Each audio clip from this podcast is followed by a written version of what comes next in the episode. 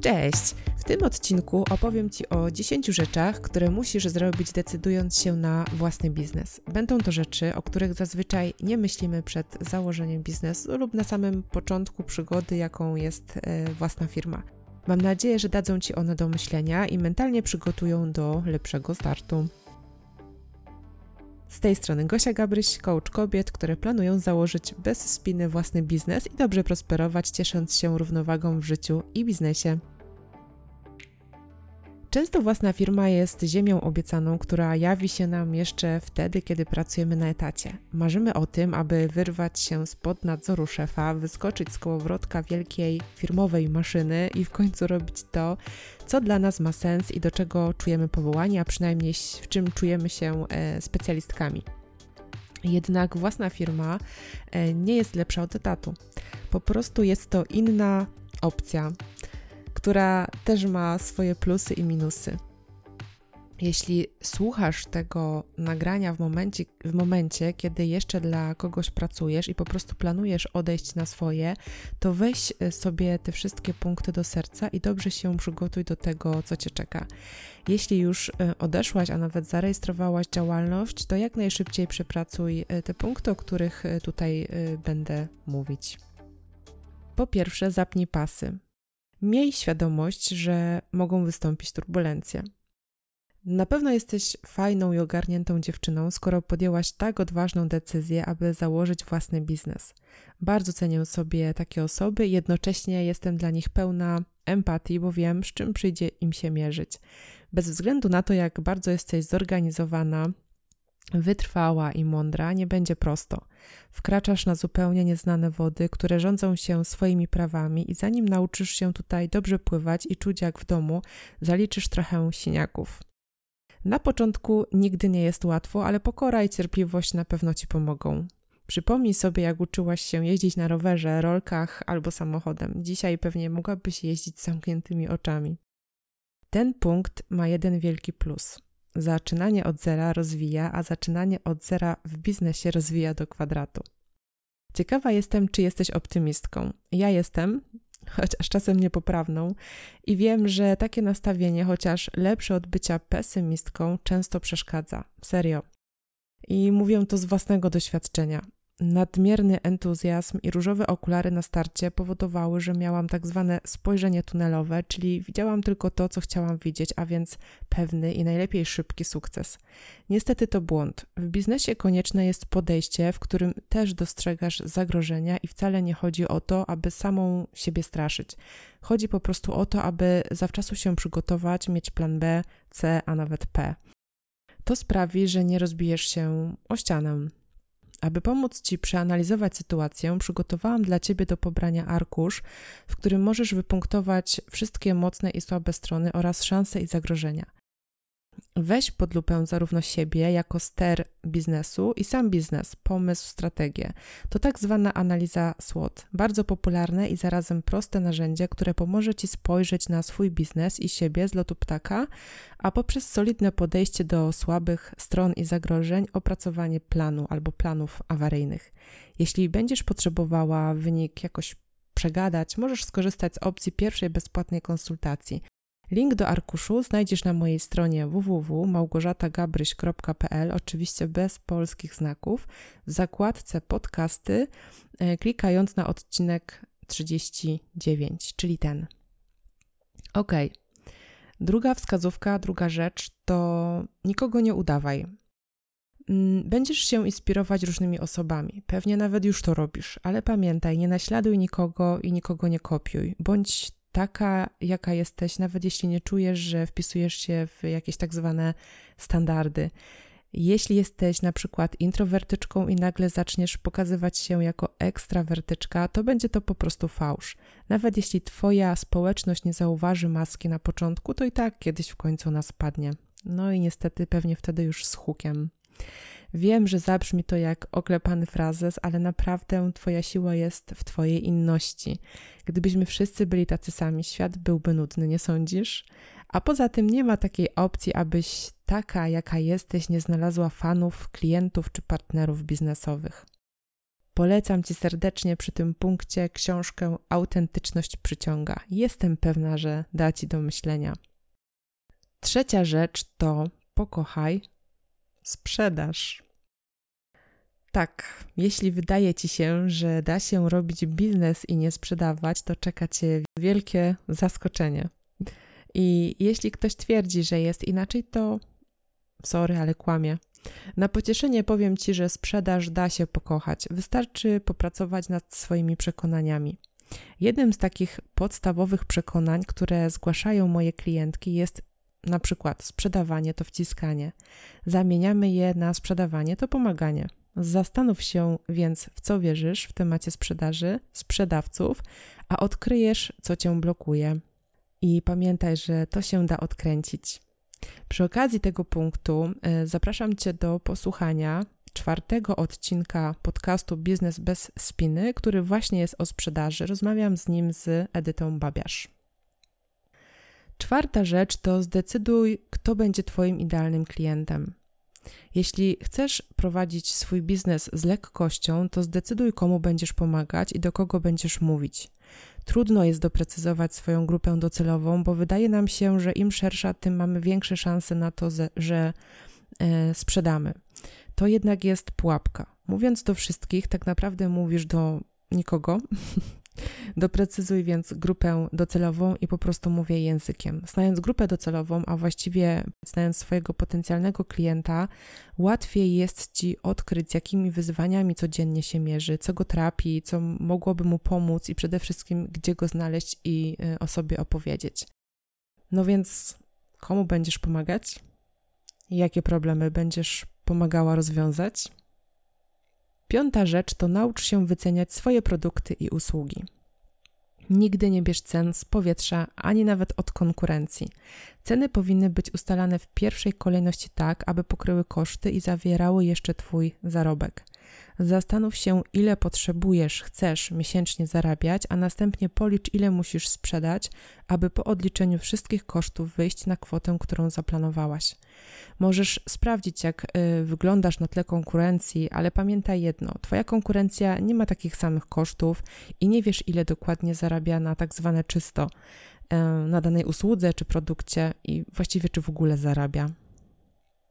Szósta rzecz to pracuj nad poczuciem własnej wartości i pewnością siebie.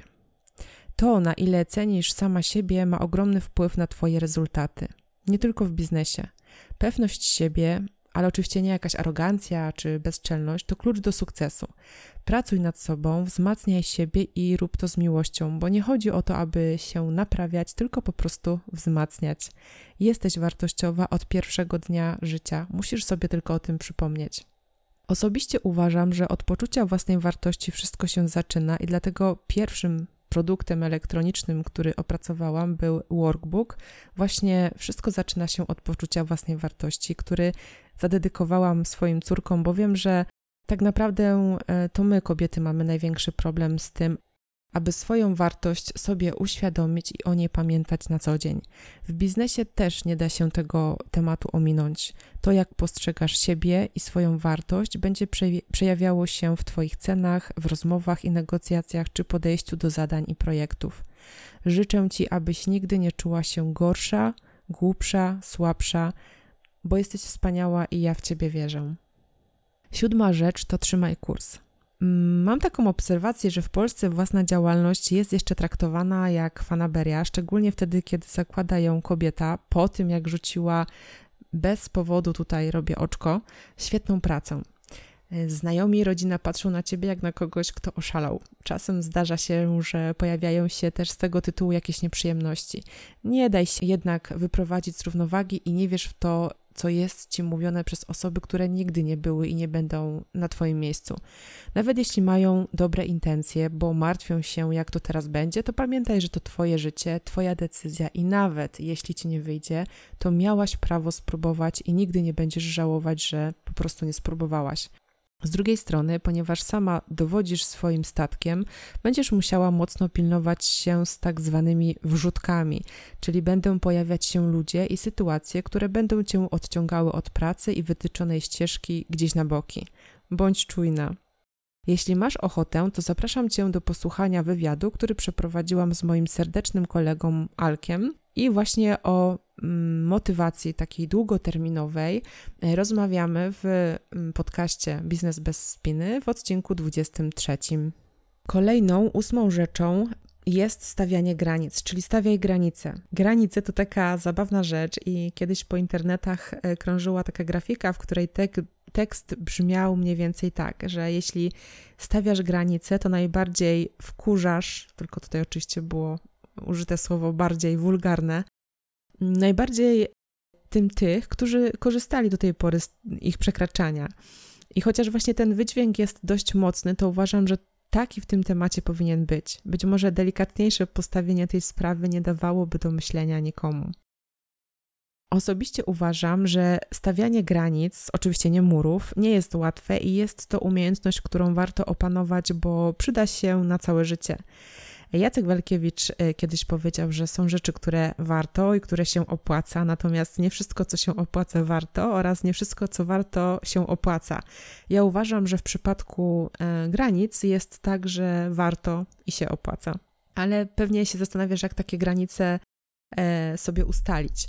Mm, jakby w ramach tego podcastu mogę Ci podpowiedzieć, że warto sobie opracować na własne potrzeby spis rzeczy, spraw, zadań, zachowań, które dla Ciebie są ważne. Na przykład nie pracuję po 16 i w weekendy, e, na zapytania ofertowe odpowiadam tylko mailowo, Zawsze podpisuję umowy i nigdy nie działam na tak zwaną e, gębę. E, nie biorę więcej zleceń niż jestem w stanie ogarnąć. Zawsze płacę wszystko w terminie i zwracam na to uwagę też moim klientom, etc. Możesz zacząć też od drugiej strony, czyli zastanów się, na co nigdy absolutnie się nie zgodzisz. Może będzie ci łatwiej. Jak tylko ustalisz to, co dla ciebie jest ważne, trzymaj się tego. Pamiętaj, że jeśli nie wytyczysz granic, zasad, to one wytyczą się same, a wtedy niekoniecznie będą zgodne z Twoimi potrzebami i wartościami. Dziewiąta rzecz to taka świadomość, że nie od razu Kraków zbudowano. Cierpliwość to naprawdę wielka cnota i mam wrażenie, że mało kto może tak z ręką na sercu powiedzieć, że jest cierpliwy.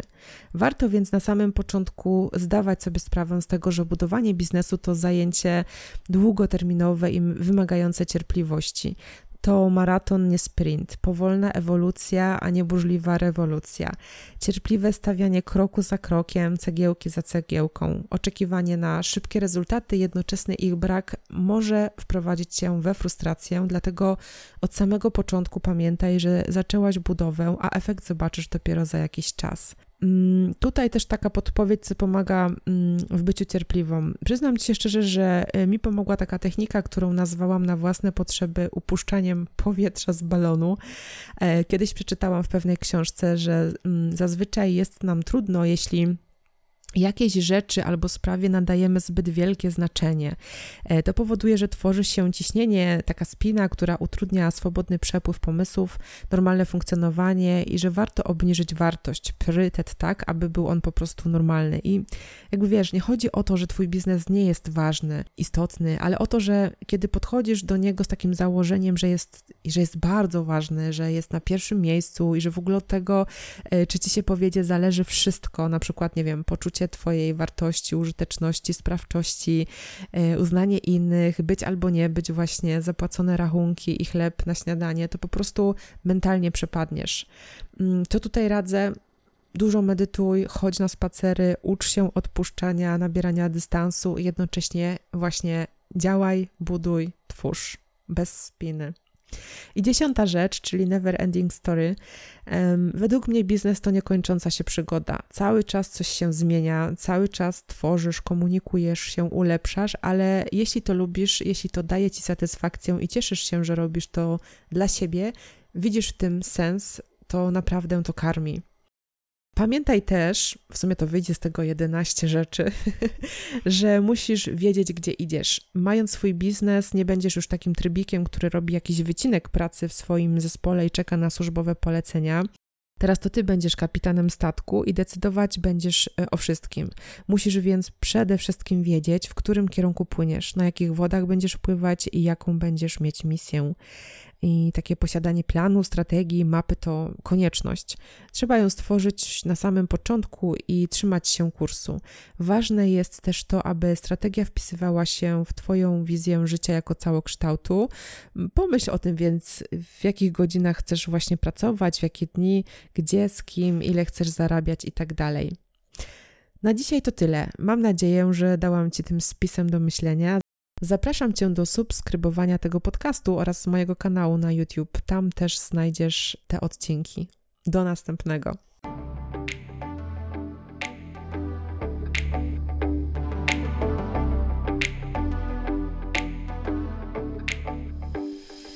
Dziękuję Ci za odsłuchanie tego odcinka.